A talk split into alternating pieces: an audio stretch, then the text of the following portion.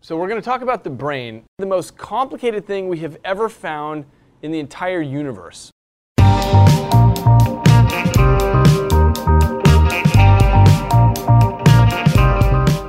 Nöroblog sunar. Sinir bilimde bu hafta.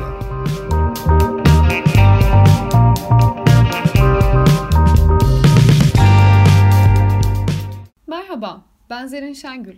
Nöroblog ekibi tarafından hazırlanan Sinir Bilim'de bu hafta programına hoş geldiniz. Bu haftanın haberleriyle karşınızdayız. İşte haftanın sinir bilim haberleri.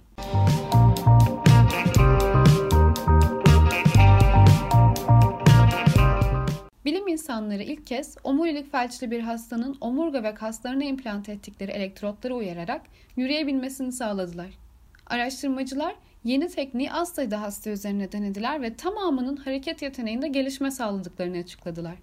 Öyle ki bu hastalardan biri yürüteç adı verilen bir yardımcı gereç sayesinde iki ayak üzerinde durarak yürüyebilmeyi bile başardı. Omurilik felci özellikle trafik kazaları gibi travmalar sonucu beyin ile omurilik arasındaki bağlantının kopması nedeniyle beyinden gelen emirlerin kaslara iletilememesinden kaynaklanıyor. Kaslar beyinden gelen emirleri alamadıkları için vücut travmanın oluştuğu bölgenin altında tamamen felçli kalıyor ve yürüme yeteneği kaybediliyor. Bu ve benzeri tedaviler çoğunlukla genç hastaları etkileyen bu trajik durumun tedavi edilmesini sağlayabilir. Araştırmacılar epidural elektriksel uyarım adı verilen tekniğin henüz geliştirilme aşamasında olduğunu ve her omurilik felcinde kullanılıp kullanılamayacağının belirsiz olduğunu belirtiyorlar. Beyin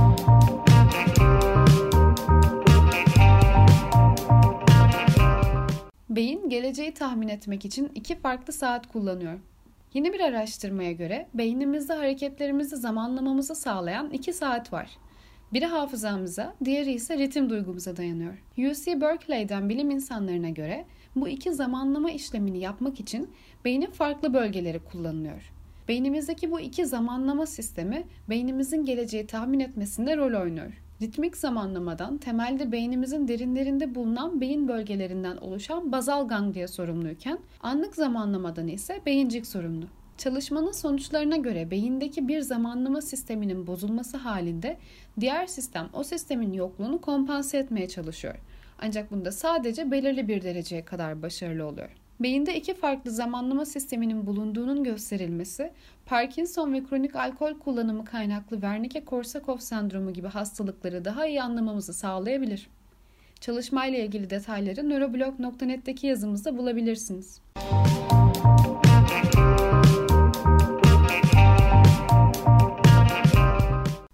anıları depolarken önceliği en çekici anılara veriyor. Sinir bilim çalışmaları hafızamızın ana varlık sebeplerinden birinin gelecek planları kurmak ve gelecekte almak zorunda olduğumuz kararlar konusunda hazırlıklı olmak olduğunu gösteriyor. Öte yandan beynimiz her anımızı tüm detaylarıyla hafızasına kodlayamaz.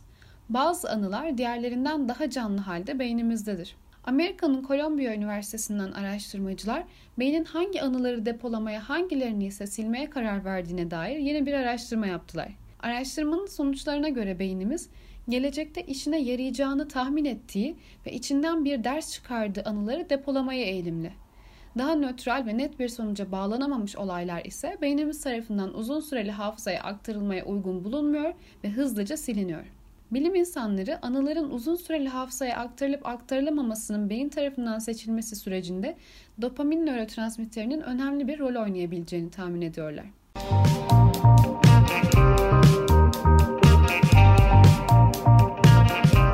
Testosteron tedavisi erkeklerde depresyon semptomlarını azaltabilir. 1890 erkeğin katıldığı 27 araştırmanın sonuçlarını değerlendiren bilim insanları özellikle yüksek dozlarda verilen testosteron hormonunun erkeklerde depresyon semptomlarını azaltabileceğini buldular.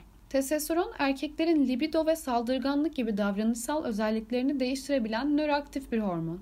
Bunun yanında testosteronun sinir hücrelerinin değişimini destekleyici yani nöroplastisiteyi artırıcı etkileri olduğu düşünülüyor. Bu nöroplastisiteyi artırıcı etki hormonun depresyon semptomlarını azaltmasını açıklayabilir. Çalışmanın sonuçlarına göre testosteronun depresyon semptomlarını azaltıcı etkisi antidepresan ilaçlarla karşılaştırılabilir düzeydeydi. Bununla birlikte bilim insanları hormonun bu amaçta kullanılabilmesi için daha fazla çalışma yapılmasının şart olduğunu belirtiyorlar. Yetişkin bir erkeğin testosteronu haftada ancak 50 ila 75 mg civarında testosteron üretiyor ve yüksek dozlarda testosteronun uzun süreli kullanımının yaratabileceği yan etkiler konusunda henüz bilgi sahibi değiliz.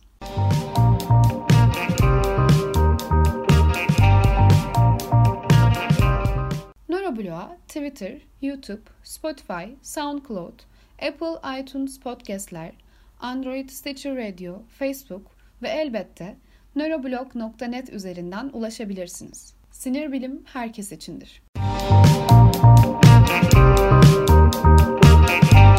amazing things are going to come out of that kind of work. Yeah.